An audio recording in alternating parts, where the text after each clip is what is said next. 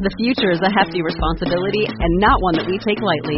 But then, taking things lightly has never been what Hefty is about. That's why we've created the Hefty Renew program that turns hard to recycle plastics into valuable resources like park benches and building materials. To participate, simply fill up an orange Hefty Renew bag with accepted items, tie it up, and drop it in with your regular recycling. That's it. It's that easy. It's time to rethink recycling with Renew. Particular valued resources may vary by geography. More info available at heftyrenew.com. Fighting Through Podcast, episode 90 Alf Blackburn's War Memoirs, Part 2. More great unpublished history. Welcome back to Alf Blackburn's War Memoirs, Part 2. Alf is somewhere in the middle of Sicily when his convoy is attacked. Here's a short repeat of where the action had got to in the previous episode then we'll be straight back into where we left off. Down the road in the valley, our transport was also pulling in for the night, along with the light machine gun carriers that accompanied us on minor sorties.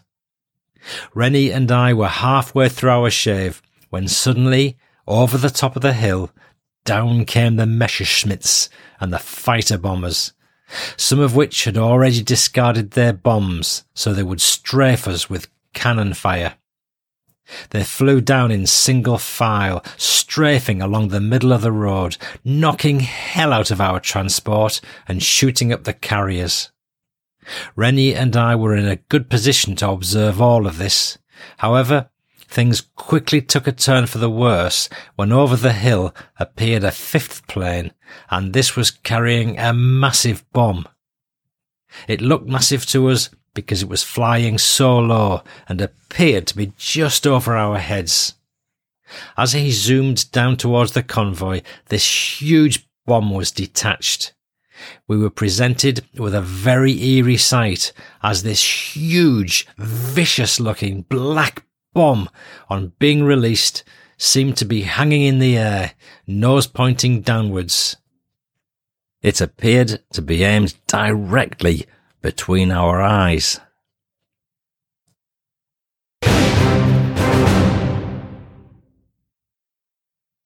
Rennie and I looked at the bomb, and then we looked at each other, and together dived under some rocks, terrified.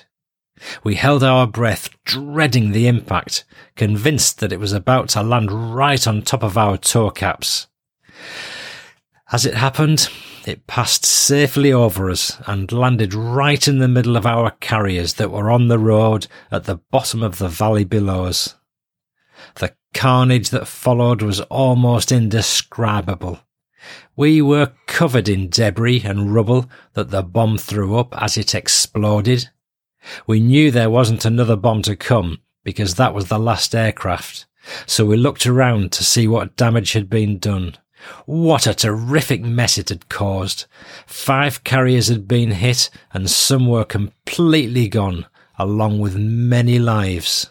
An inquiry was later held to establish why the carriers were in such a vulnerable position.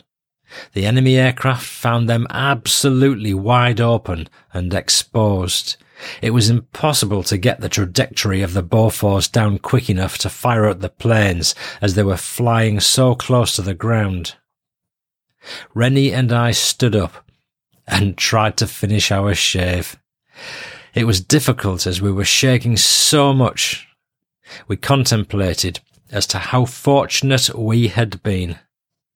If our position had been just a little further down the road, then the outcome would have been completely different. Still, that would have been the price of war. We rested overnight, and the following morning we moved out, heading towards Lentini, which would be the site of our next skirmish. In my opinion, this and following battles did not have the same severity as the desert. Don't get me wrong, we were still in danger of being shot and killed, and if the Germans entered into any battle, they put everything into it. Believe me, we still had our hands full, as it were, but to me, there was no comparison to the desert battles. The Germans' main concern was to hold us up while they pulled out as many of their troops over the Messina Strait as was possible. They were beginning their retreat from the island and only fought selected battles as and when the need arose to slow us down. Onwards to Lentini. We pressed on to Lentini and after one or two skirmishes successfully secured it and dug in on the outskirts.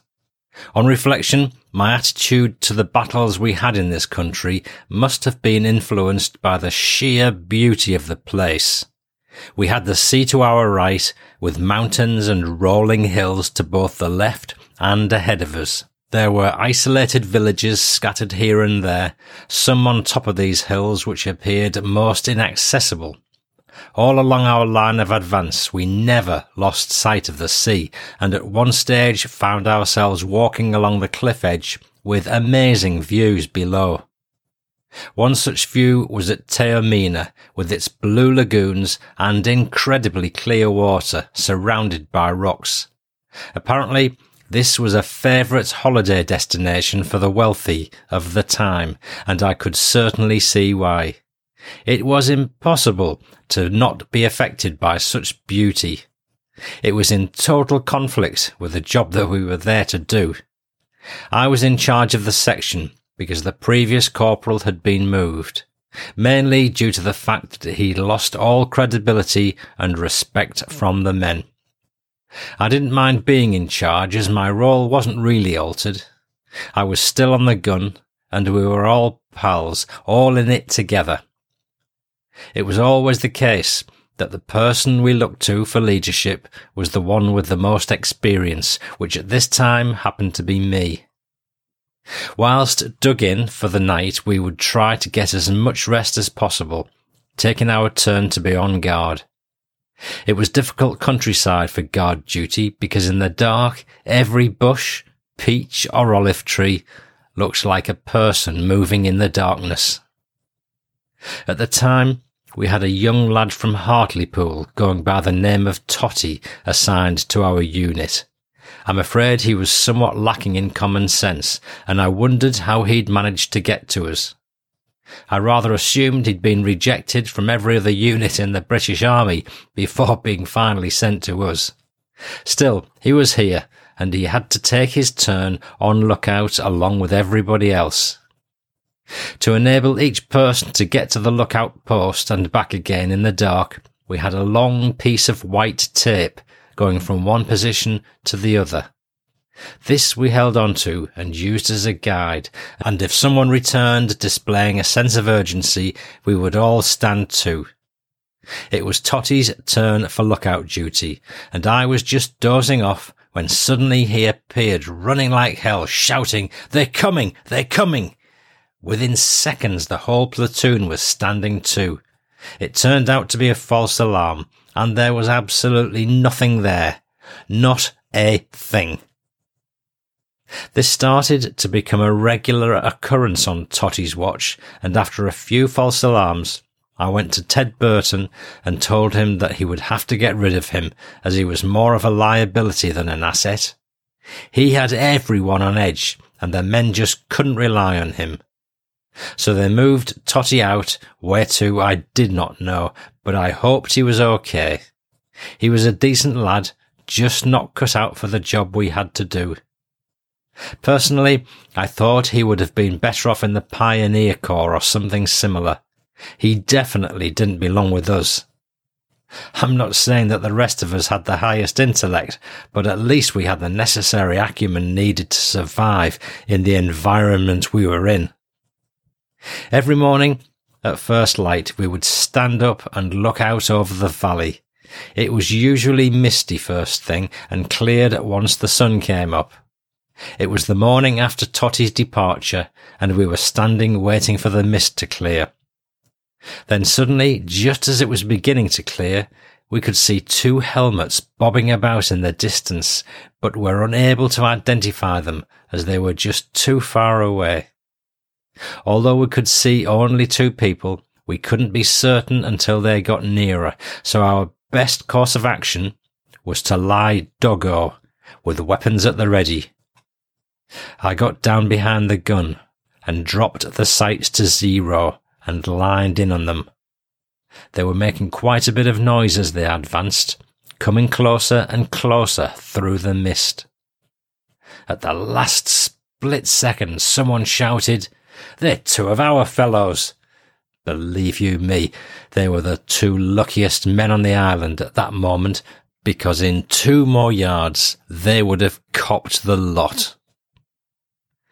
Looking through the sight of the gun, it was impossible for me to distinguish their nationality, and the obvious assumption on seeing men approaching from in front of us was that the enemy was sending out an early morning patrol. My finger was on the trigger, squeezing gently and holding my breath ready to go. They came so close to paying the price. It was only because of the sharp eyesight of one of our team that a tragedy was averted. After a few shouts, they located us and ran to join our section. I was about to tear a strip off them when I could see that they were obviously too far gone, gabbling incoherently. Apparently, they'd gone out on patrol the previous night and somehow managed to get themselves in between the two opposing lines. They were miles away from where they should have been, trying to find their own regiment, but were glad to have found us. They were blissfully unaware of just how close they'd come to being shot and killed. It doesn't bear thinking about how we would have felt if we'd shot two of our own. We stayed in that position for a few days, then pushed on into the countryside to the north of Lentini, with Mount Etna visible in the distance. It was an incredible sight and seemed a lot closer than it actually was. Scattered in the countryside were farmhouses and outbuildings which were surrounded by dry stone walling and these huge fences made from cactus plants which must have been 12 feet high or more. The cactus reminded me of the old commie cut pictures that we used to see in newspapers. Big oval shaped leaves covered in spikes with cactus pears. We cleared the farmhouse and took up our positions. It covered a large amount of land, including the house, various outbuildings, and a dry well in the farmyard. Sergeant Errington and Lance Corporal Till occupied the dry well, whilst Rennie and I positioned ourselves by the dry stone wall underneath the cactus. We hadn't been there long when we came under attack from German mortar bombs. After the first bomb dropped, I immediately thought that we'd dropped right into range of one of the German positions and that we should be getting out of there as soon as possible. One of the bombs in the first salvo fell either directly onto or next to the dry stone well, and Sergeant Errington was killed.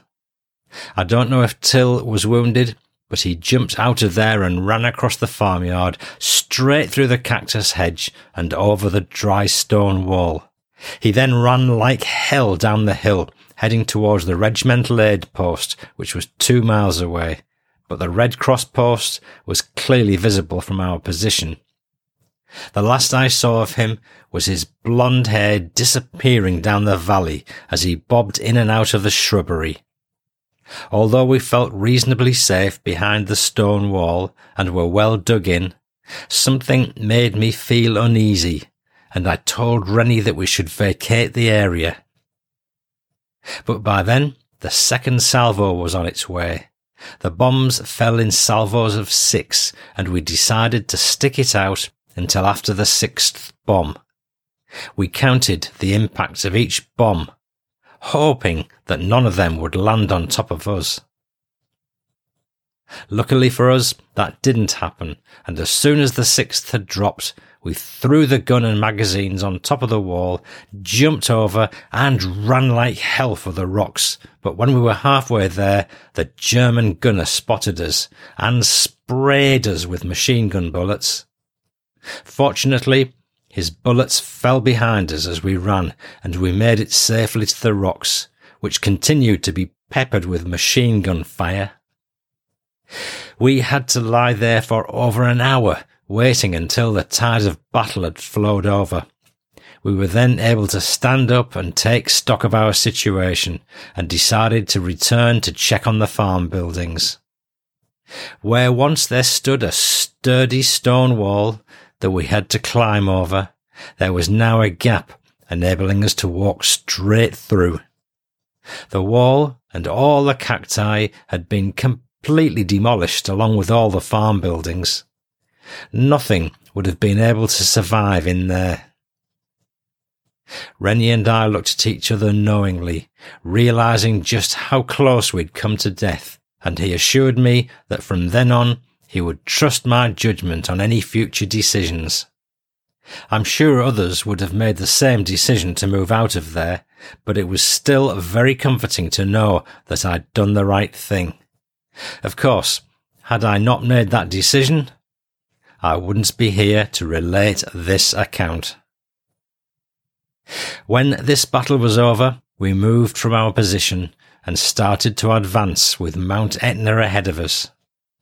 Since landing at Avola, it always seemed that we were heading straight for Etna, but it was just that it happened to coincide and be in the line of our advance.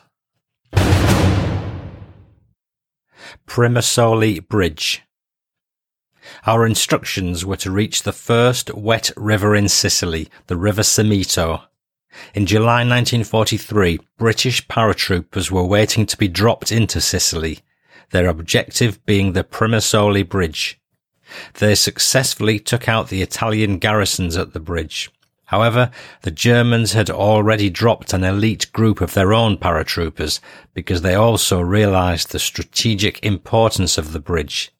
I later learned that these were the battle-hardened Fallschirmjäger troops, sometimes known as the Green Devils.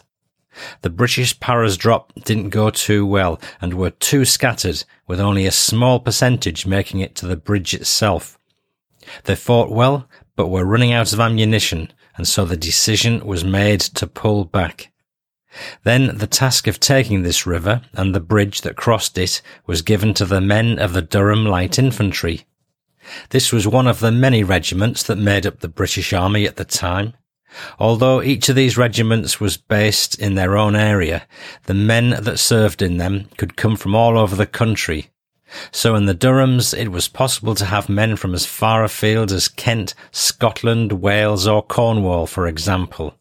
But each and every one of them had a great allegiance to their respective regiment. If we had done one operation less and reached the river first, it would have been down to us to take the bridge. We'd been probing the area looking for the river, but in the event the task of taking it fell to the Durhams. It turned out to be one of the bloodiest battles I had the good fortune to not have been part of. That's just how the cookie crumbled. We took up our position just south of the river, and the Durhams passed through us in the early hours and took up their positions ready to assault the river crossing at midnight. The river was about as wide as the River Wear at Chester-le-Street in the northeast, which is approximately 150 feet.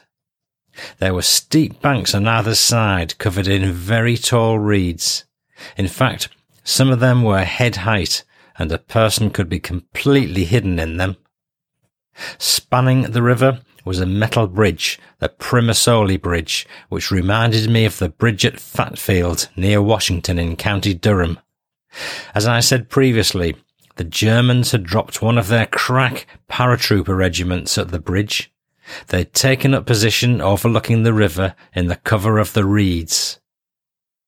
When the Durhams began their assault, they were waiting for them, and one of the bloodiest battles of the war ensued. I could only imagine the bitter hand-to-hand fighting that went on before the Durhams finally overwhelmed the German paratroopers. The achievements of the Durham Light Infantry, the DLI, that night cannot be underestimated because those paratroopers were the cream of the German army. They had been sent there to fight until the end, to try and take control of the bridge, so that the rest of their army could pull back over the Messina Straits. But that night it was the Durhams that were victorious. It was one of the highest and most courageous achievements that had been my privilege to witness. And I wondered if we would have been able to do the job that the DLI did that night. We were very close by, waiting in case they called on us for assistance.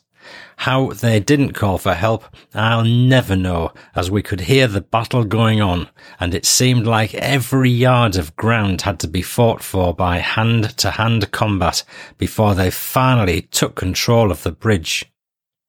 A monument was erected at the Primosole Bridge for the men of the Durham Light Infantry, and occasionally I meet people who either had a relative or had simply heard of someone that died at Primosole. They couldn't possibly have any real comprehension of the achievement of those brave men and the losses that they sustained. I personally believe that every man who took part in that particular assault was deserving of the VC at the very least, because we had to advance through the position after it had been taken to consolidate it, and we saw the carnage for ourselves. We dug in among the reeds in an area which was given the name Stinky Valley because when the sun came up and warmed up the bodies that were still lying where they fell, the stench was unbearable. We had to get a bulldozer to clear them as it was impossible to find them as they were well hidden in the reeds.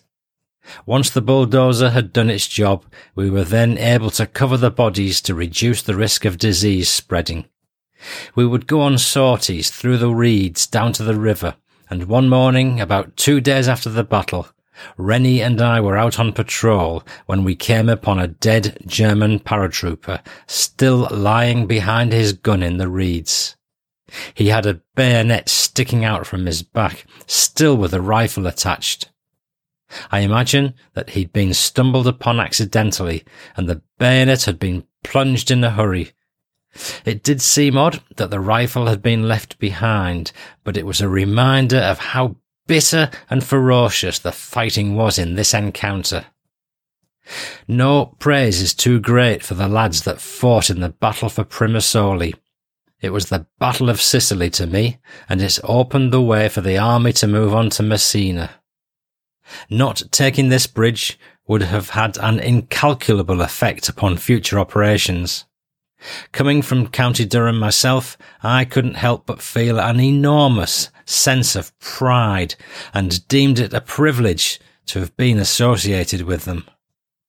We moved out and headed towards Catania, one of the largest towns in Sicily. It lies at the foot of Mount Etna with a plain in front known as the Catania Plain. This was the last battle in Sicily that our division was to take part in, and we dug ourselves in on the plain to await further developments. Soon afterwards, we received a visit from our brigadier, who I would describe as a harum-scarum individual. Although we had lots of derogatory nicknames for him, such as Shaggy, Shag Nasty, or Ginger, because of his massive ginger hair, he was actually held in high regard by the whole brigade mainly because of the way that he showed readiness to be in the firing line, and we quite enjoyed his outspokenness. Until that day, I hadn't had any close contact with him. He was there to inspect the divisions and their positions ahead of the battle for Catania. As he approached our section, we were a little apprehensive about what he was going to say. We were dug in with our guns at the ready, he tapped one of the guns with his walking stick and said, What would you do if the Germans came running across that field? There was a brief pause. Then in unison we said, Kill them, sir. He replied with, That's the idea. Don't take any prisoners. Kill the bastards. That was the kind of situation that he relished. Then, as he walked closer to me accompanied by Claude Hull, he asked if there was anything that we wanted. As it happened, we had absolutely no cigarettes at all, and so I thought, in for a penny, in for a pound, and informed the brigadier. During the war, cigarettes were considered to be a staple part of the army's provisions, so he expressed his horror to Claude Hull and promised that we'd have our cigarettes by the afternoon. Sure enough, the afternoon came and we were each issued with 30 cigarettes. I wasn't sure what Claude Hull's opinion on the matter was, but I remember thinking at the time that he could go to hell. The men were deserving of those cigarettes, as they'd all entered into many battles without the comforts that they were entitled to, some of them sharing dog ends. The fact that as soon as the brigadier realised we had no cigarettes, and they were forthcoming, proved to us that they were available if someone only had the inclination to put in a request. So, we got our cigarettes, and I will always remember Shag for that. As I said, we were dug in on the Catania plain, and as we lay there, the smoke from Mount Etna was clearly visible. We had to probe the area in front of us as we advanced towards Etna, checking for the enemy. Whilst out on patrol one day, we were crossing through some orange groves and had only just entered the groves when suddenly an Italian soldier jumped out waving a white flag. He was fortunate that we didn't immediately shoot him. He wanted us to follow him and was gesturing in the direction that he wanted us to go. Obviously, we were very cautious and prodded him to lead the way. He then led us to a glade deep in the centre of the orange grove. Here we found two trestle tables covered with white tablecloths, on top of which were bottles of wine and dishes of nuts. There were about 15 Italians, and it turned out they were waiting to surrender. The wine was there open and ready, waiting for the first British troops to get there. We were still unsure of the situation, keeping one eye open, watching for any treachery, but there was nothing to worry about. They just wanted to give themselves up, as they could see that the British were taking control of Sicily. One of them even wanted to join us to fight the Germans, who were once his ally. This, of course, was out of the question, and as he was sticking with us, we had to eventually forcibly eject him. The political situation at the time was the Italians had given up and wanted the whole thing to be over with now that their allies, the Germans, were not doing so well. Previously, they'd wanted to be aligned with the successful German expeditions. I couldn't help but temper their current behaviour with what had passed before. Although I wouldn't describe the Italians as a warlike race, I found it difficult to understand their political stance, which led them to take up arms on Germany's side in the first place. But that's all water under the bridge now. We went on probing the area and fought a couple more skirmishes, and then after a few house-to-house sorties, Catania fell to us. After its capitulation, we were given permission to have a look around part of the town. Only part, because three quarters of it was out of bounds to troops. There was really nothing to see, the shops were in no position to do any trading, and so, all in all, the visit to Catania was a bit of a damp fizz. Listener, I'm just going to pause for a second to explain some of the background noises we keep getting. It's the RAF planes flying around. They're obviously out on maneuvers and exercises. And that, strangely, that's, that's following President Zelensky of Ukraine's visit to Britain yesterday. And, uh, there's talk about whether or not Britain's going to lend some planes to Ukraine to fight the Russians. Here comes another one. I'm going to ignore the planes from now on. I'm just going to let it be a background watermark to the episode to um, just to mark the occasion, really. All is not well in the world as we record the Fighting Through podcast. And so we move on to Letojanni. We moved forward along the coast road, passing various villages on the way, and eventually came to a small fishing village called Letojanni, which was situated approximately 25 miles south of Messina. It was decided that the battalion HQ would be billeted in one of the empty houses and we were given a large abandoned building that had either been a hotel or a civic centre. Firstly, we had to clean it up as it was an absolute mess. Hostilities had ceased, but one of our brigades had pushed on ahead over the Messina Straits to take up and form a beachhead on the other side. This was to provide protection for the rest of the army and supplies as they passed through, just as a precaution against any counter-attack. Apart from that, the campaign was virtually over and we were to take up our positions in the billet which we'd cleaned out. That was basically the end of the Sicilian campaign and it was time to sort out and collect our gear together. We'd have liked to have had some sort of keepsake to remember the place, but as I've already explained, it was a very poor area with very little to buy.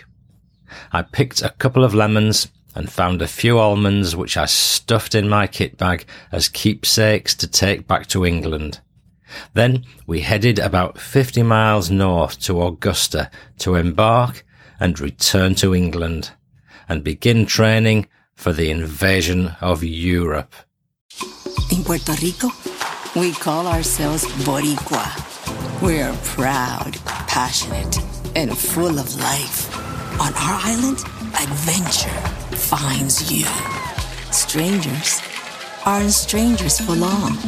The size of the audience doesn't change the beauty of the music, and we celebrate every last ray of sun. Live Boricua.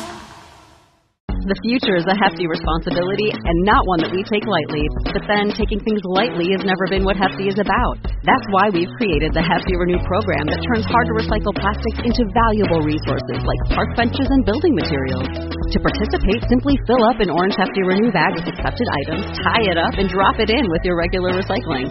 That's it. It's that easy. It's time to rethink recycling with Renew. Particular valued resources may vary by geography. More info available at heftyrenew.com.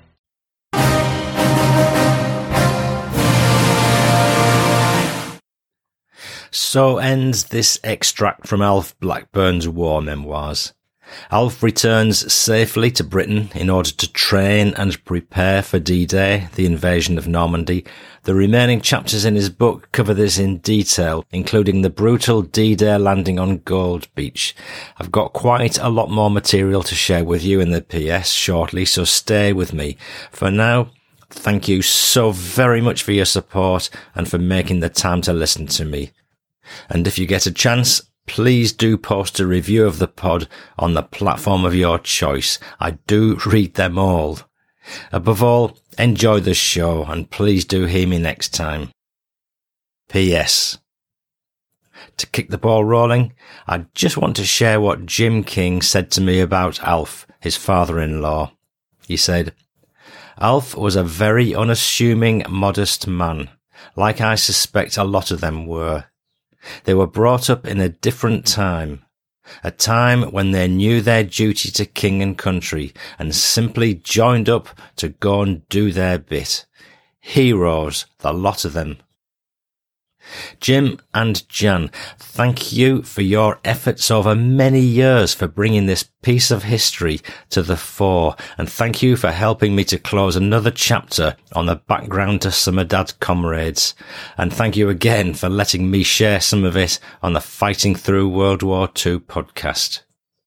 I'd also like to acknowledge Michael Shaw's important role in all of this because it was Michael who first started the ball rolling by contacting me via my website. In turn, although many years later, this produced the connection with Jim and Jan. What a great result. Michael, in some of the correspondence, you mentioned that there's a group in Keighley called Men of Worth. Keighley is in the Worth Valley, Yorkshire. Men of Worth research and share a historical interest in notable men of the town, starting with all the names on the war memorials. There's a link in the episode notes. I was ridiculously spoilt for choice over which passages to share for this podcast. And if you want to read the Lions share, then you need to buy this book. Daughter Jan has spent years literally producing it and publishing it. And there's a link to the book on Amazon in the episode notes and also one in the news banner at the top of the home page. It's called Alf Blackburn's War Memoirs. It's well written, well produced and well researched and it's stuffed full of stories that bring you right to the front line. You experience how the soldiers ate, washed and fought as Alf takes you from mobilization to Africa, Tunisia, Sicily and D-Day. By any measure, this is a great memoir. Off my word. The links in the episode notes in your listening app and for a short period in the banner at the top of my website, fightingthroughpodcast.co.uk. I'm now going to share a great passage with you from Alf's book. This is um, just a short episode from a, a good bit on D-Day, um, but this will give you the flavour of what sort of action you're going to get. As we were approaching the beach, I could already see a landing craft grounded it just reached the beach when the whole lot exploded. It was awful to see. Flames and smoke were shooting about a hundred feet in the air. This was the first craft to touch land, and whether it had hit a mine or received a direct hit, I wasn't too sure. But I thought the explosion looked like it might have been a direct hit from an 88 millimeter. The sea was very choppy as we were nearing the beaches and preparing for ramps down. I'd been expecting to feel the bottom of the boat grinding on dry land, but that didn't happen. The command was given ramps down, but there was no dry land, and the first section ran out in single file. As each man got to the end of the ramp, there seemed to be some hesitation, and it was only when it was my turn that I could see why this was. I was leading the second section, and when I got onto the ramp, the last man from the first section was still standing at the end of the ramp. I was right behind him, but he didn't move, so I said, Come on, John, and gave him a gentle push. He had obviously been hit with shrapnel or something as he stood there and fell into the water surrounded by blood. I stepped off the boat and I thought I was going to meet Father Neptune as the water came right up to my shoulders and covered all the gear that I was carrying. In fact, there was only my head and a little bit of shoulder protruding. So I turned to the sailor on the craft and said, Could you not get the bloody boat a bit closer? He did look somewhat astounded, but it seemed a bit ridiculous to me that we were so far out from the shore and the water was that deep. There was a lot of debris floating in the water and also stakes dug into the bottom with only about a foot visible. I started to move forward as best I could with shells hitting the water straight ahead of me. When the shells hit, shrapnel flew off and skimmed across the sea towards me. It reminded me of someone skimming pebbles at the beach, but these were far more dangerous, and with only my head and shoulders above the waterline, it was quite disconcerting seeing them bouncing towards me. As I was moving forward, I came upon a commando who shouted, I'm wounded! I'm wounded! Sure enough, he had a large gash in the top of his thigh, but he was still walking, and the wound wasn't life-threatening. On reflection, my reaction must have seemed rather absurd, as my main concern was what he'd done with the LMG, the light machine gun. He told me that he'd dropped it, and I just said, Oh man, what did you do that for? I'm still amused to this day at my attitude. I know that he was wounded, but that machine gun was a very important piece of equipment. I told him to get back on the boat, even though the assault craft were not supposed to pick people up. Their job was to get everyone off then leave. However, as the last section was leaving the boat, the wounded from the first were trying to get back in. Carrying on with D-Day now, this is about a mission set to Alf and his comrades to capture a German prisoner. And Alf sets the ball rolling. We were tasked on D-Day with landing and making our way to a coppice on some high ground about seven miles inland. Once there, we were to take prisoners that were wanted urgently by intelligence back in England. The troops guarding the area were known as smoke troops, firing smoke mortars to aid concealment. But our company had to push through it and get there regardless, even if we only managed to get one prisoner. Knowing my companions from previous sorties, I thought we'd have trouble hanging on to one. As I look back now to those events, it's difficult to visualize just how ruthless we'd become. Returning to the briefings, I was a little cynical about certain aspects of the enterprise. Some of our officers were inexperienced in battle, and we had new junior officers. Our commanding officer had never seen a shot fired in anger, yet looked on the whole affair with extreme optimism and impatience to get on with things. He laughed at my pessimism and caution. He was such a gentleman that I was reluctant to dampen his enthusiasm. I had no illusions about our friends with the jackboots. They were professionals. I'd met them in the desert and in Sicily, and I knew that every inch of ground would have to be fought over. So, our hero progresses successfully up Gold Beach. Read about that in the book and onwards. On the aerial photographs that we'd studied prior to the landings, we'd seen that there was an area of discoloured ground in a pasture field that we had to cross. We believed that this was a tunnel leading to and from the spinney that we were tasked to take. Sure enough, as we got about halfway across the pasture, the discoloured ground was clearly visible, winding like a ribbon straight to the spinney.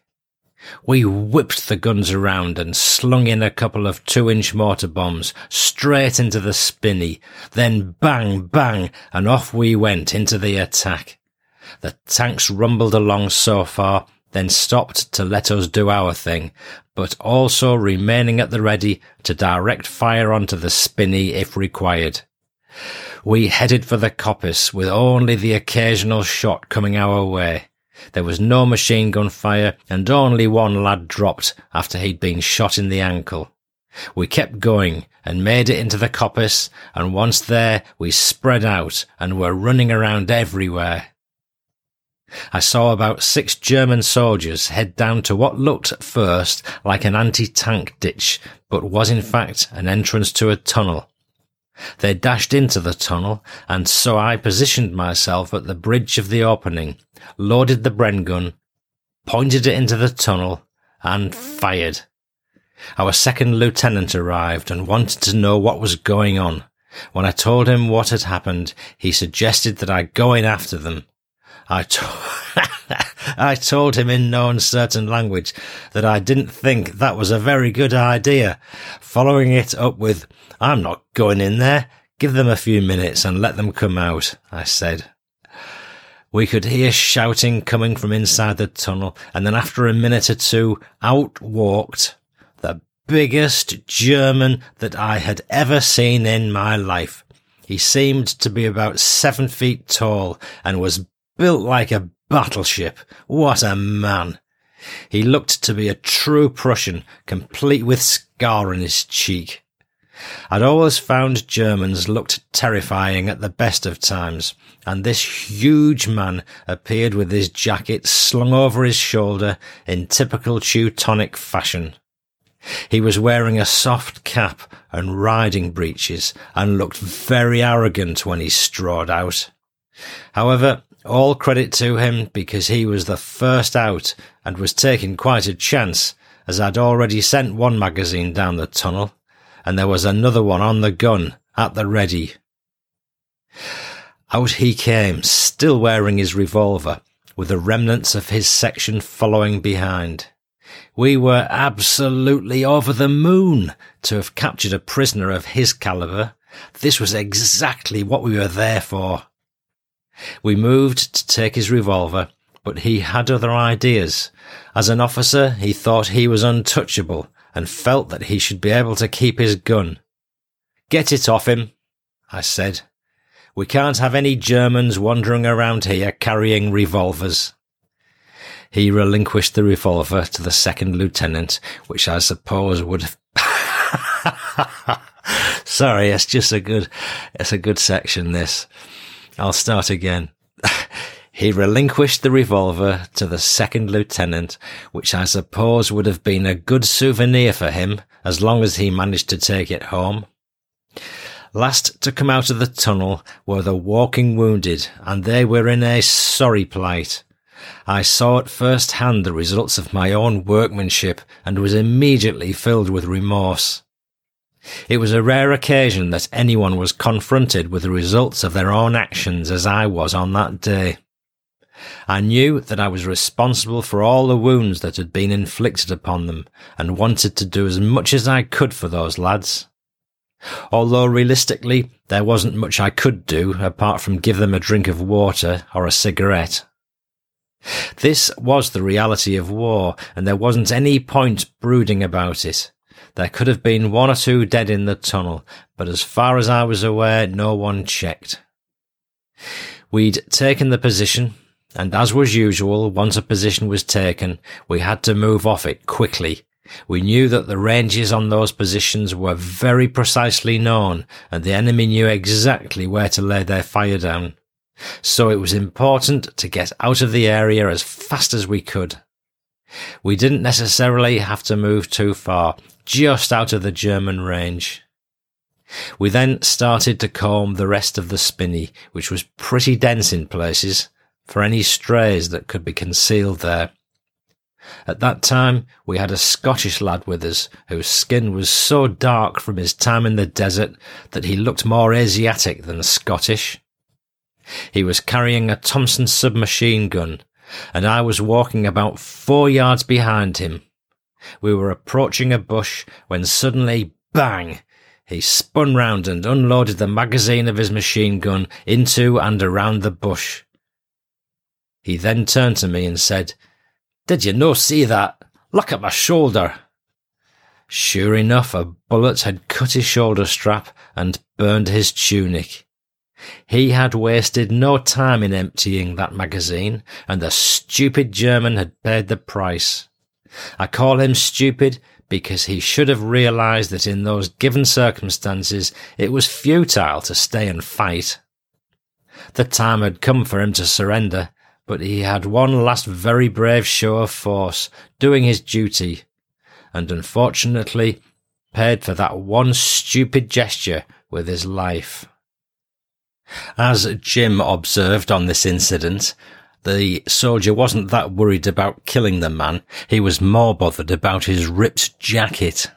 They had become animals. A short postscript to Alf's war memoirs now. Um, this is how his war ended. It, it ended when he was blown up by a mortar bomb two weeks after D-Day and a fragment of metal shrapnel penetrated his helmet, embedding itself into his head. He was clearly lucky to survive, and that was very largely due to it having occurred only 50 yards from an advanced field hospital. When the first bomb dropped, it was too close. I knew when it dropped, it was almost on top of us, and I just had time to think, Good gracious, this is it. The next one blew me up in the air and I didn't know what hit me. The whole world seemed to burst and the noise in my head was absolutely terrific. It's hard to describe, but it was like being in a swimming bath that was so full of screaming children that you dive under the water to get away from the sound. But when you resurface, The noise is absolutely overwhelming. The whole world seemed to be revolving round and round. Everything was spinning. And I thought, good God, I'm dying. Well, Alf didn't die because he survived to uh, record his memoirs to his daughter. And the rest is great published history. Um, that's it for Alf's war memoirs. Um, I'm going to share with you as a closing section uh, a video I did recording the area of Gold Beach where the Green Howards landed. Um, there's no video, obviously, because this is a podcast, but I'm going to share the audio with you because it's still quite good. And uh, I'm also going to share with you a number of comments I've had from people on my YouTube channel. So uh, here's the audio first of all. So this is me on Gold Beach in Normandy, modern times. obviously. And it's a windy day. Hello there, anybody who's just tuned in, I've just started. I'm Paul Cheall, son of Bill Cheall. I'm at Gold Beach right now, which is one of the British beaches, not far from a place called Arromanches. And on the morning of 6th of June, 7.25, which was H hour, my dad was just approaching the beach on a landing craft. And the 6th and 7th Green Howards and the 5th East Yorks regiments came over from Southampton on a ship called the Empire Lance. And they all gradually got off the ship into landing craft. And the run in was to take two hours. And during that two hours, the soldiers got thoroughly seasick but eventually the time came for this first wave of troops to land on the beach. And as they were approaching the beach, a few hundred yards still in, in the water, Company Sergeant Major Stan Hollis, who was later to be awarded the VC, the Victoria Cross, the only one awarded on D-Day, he saw just behind the beach a pillbox that wasn't marked on the maps and he decided he'd better give whoever was in the pillbox a, a warning to skedaddle and he fired some warning shots from his Bren gun. We'll come back to that in a minute. But as the landing craft was approaching the beach, the helmsman shouted, 100 to go, 75 to go, 50 to go 25 to go ramp going down now and my dad and his pals all spilled out over the ramp into three or four feet of water and started scrambling out of the water to get onto the beach. And at this point one young soldier Rufty Hill jumped into a shell hole underneath the water. And as he went into the water, the landing craft surged forward on a wave and drowned and crushed him beneath the boat. As Dad jumped off the landing craft, the soldier in front of him and behind him was shot, killed. Hell, get moving, he said. As the boys scrambled up the beach, they had a few hundred yards to run because it was mid tide. So they had to dodge bullets and all sorts. And there was a, a knocked out Sherman tank on the beach. Dad described it sitting helpless like some monster because it was a flail tank which had a huge great roll of chains out the front of it which were meant to kill were meant to uh, blow up landmines behind the tank was captain lynn and he was wounded, but he was waving the men off the beach. But as he was doing that, he got shot again and he was killed. Captain Chambers took over and he too was wounded, but he managed to carry on. The view you've got at the moment is either side of the central landing point. There's quite a wide expanse of beach in both directions. And there were troops landing all the way along this beach. But this little bit here was the focal point, leading up between the houses. I think on the day they probably didn't come through this point because they would have expected it to have been heavily watched by the machine, the German guns, etc. Anyway, Captain Chambers was shouting, "Off the beach, lads! Off the beach! Get off the bloody beach and give the buggers hell!" So that the men didn't need any more urging, though they already knew what they had to do. And for a brief moment, they'd get as far as the rocks in front, which is the sea wall. And finally, they got off the beach. That was the main danger over. And once they got over the beach,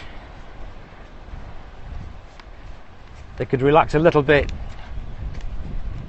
But this was the route off the beach up to a place called Crepon.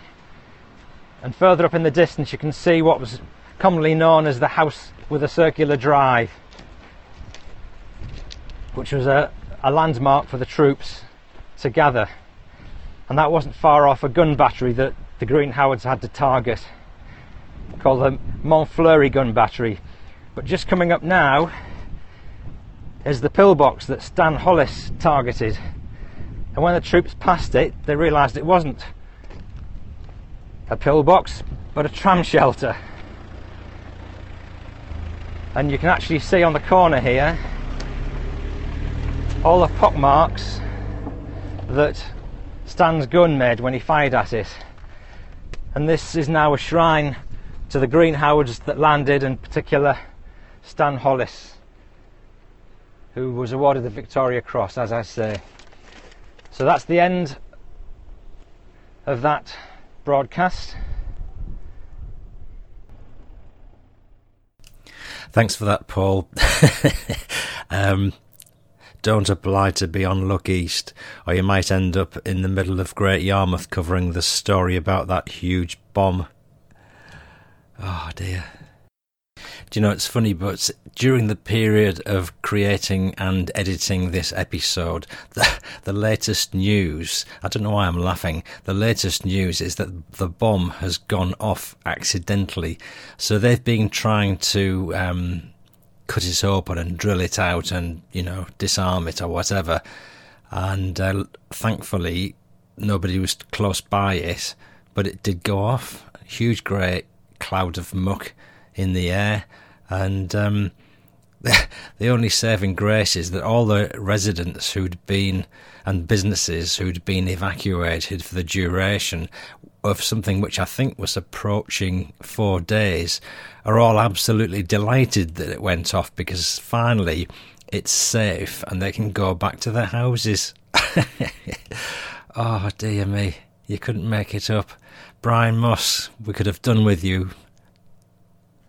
I've got a few little family stories coming up now, or really just short anecdotes. These were posted on my YouTube channel, and there's a link in the show notes to my YouTube channel. And if you explore it, you'll see a lot of the episodes from the podcast. But earlier on in the sequence, there's a load of other videos on other aspects of the war, re- revolving around my visits to cemeteries and all sorts of things. So take a shufti. Before we go on to these family anecdotes, just a couple of uh, items of business, for want of a better word. I must apologise for my voice over the last two episodes because uh, some of the time I was absolutely full of cold, and um, the podcast, I'm afraid, got the tail end of my chesty cough. So apologies for that. Um, also, of course, Alf's book, Alf Blackburn's War Memoirs.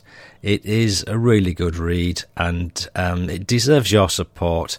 Um, Jan has spent years doing this and she's written it really well. I am seriously impressed and I've enjoyed it thoroughly. So there's copious links all over the shop, really. Top of the website, in the show notes. um, you name it, and it's print on demand in uh, America and Britain, I'm pretty sure. Um, so if you order it from America, you may need to look for it on the American Amazon website. So if you can't find it on the links I've provided, that's your solution. Here's the postings against my uh, Gold Beach video on YouTube. NVW said, Thank you, Paul, for telling us your dad's story. Very moving. My granddad, John Wilcox, also landed on Gold Beach, H plus two hours on the day. He was a sergeant major with the Royal Artillery Tank Division. RIP to all those brave men who put their lives on the line for our freedom. And Sean Mayo said, My step grandfather, John Cummer, was a gunner's mate on one of the American LCIs that landed UK troops on Gold Beach. His ship was carrying the 50th Northumbrians, that's my dad and Alf, etc. He retired an officer and was the man who swore me into my own service in the Navy. And I had the very great privilege to escort him on a trip to the 70th anniversary of D Day. We managed to bring him to the place where his ship grounded on D Day. Thank you for remembering and for sharing your father's perspective of that historic day. Brian James. My ex father in law was at Gold Beach, second wave in. He jumped off the side of his landing craft and sunk to the bottom. He got to the beach minus his backpack and gun. He said he soon found a gun on the beach. He was wounded by shrapnel at Tilly-sur-Seulles, it's not far from where Dad got wounded, and was shot in the back by a German trying to execute him. After the war, he married a Canadian wren. His saying was, Live and let live. R.I.P. Joe Easton, a wonderful man. Thank you, you guys, for taking the trouble to post those uh, little anecdotes to share. How great they are. Um, I think that's the end of the show. I really do. You've had two episodes worth there. Um, take care. God bless. May your coughs, colds, chests, aches, and pains be short lived. May your army boots bring you comfort. See you again soon. I'm Paul Cheall saying bye bye now.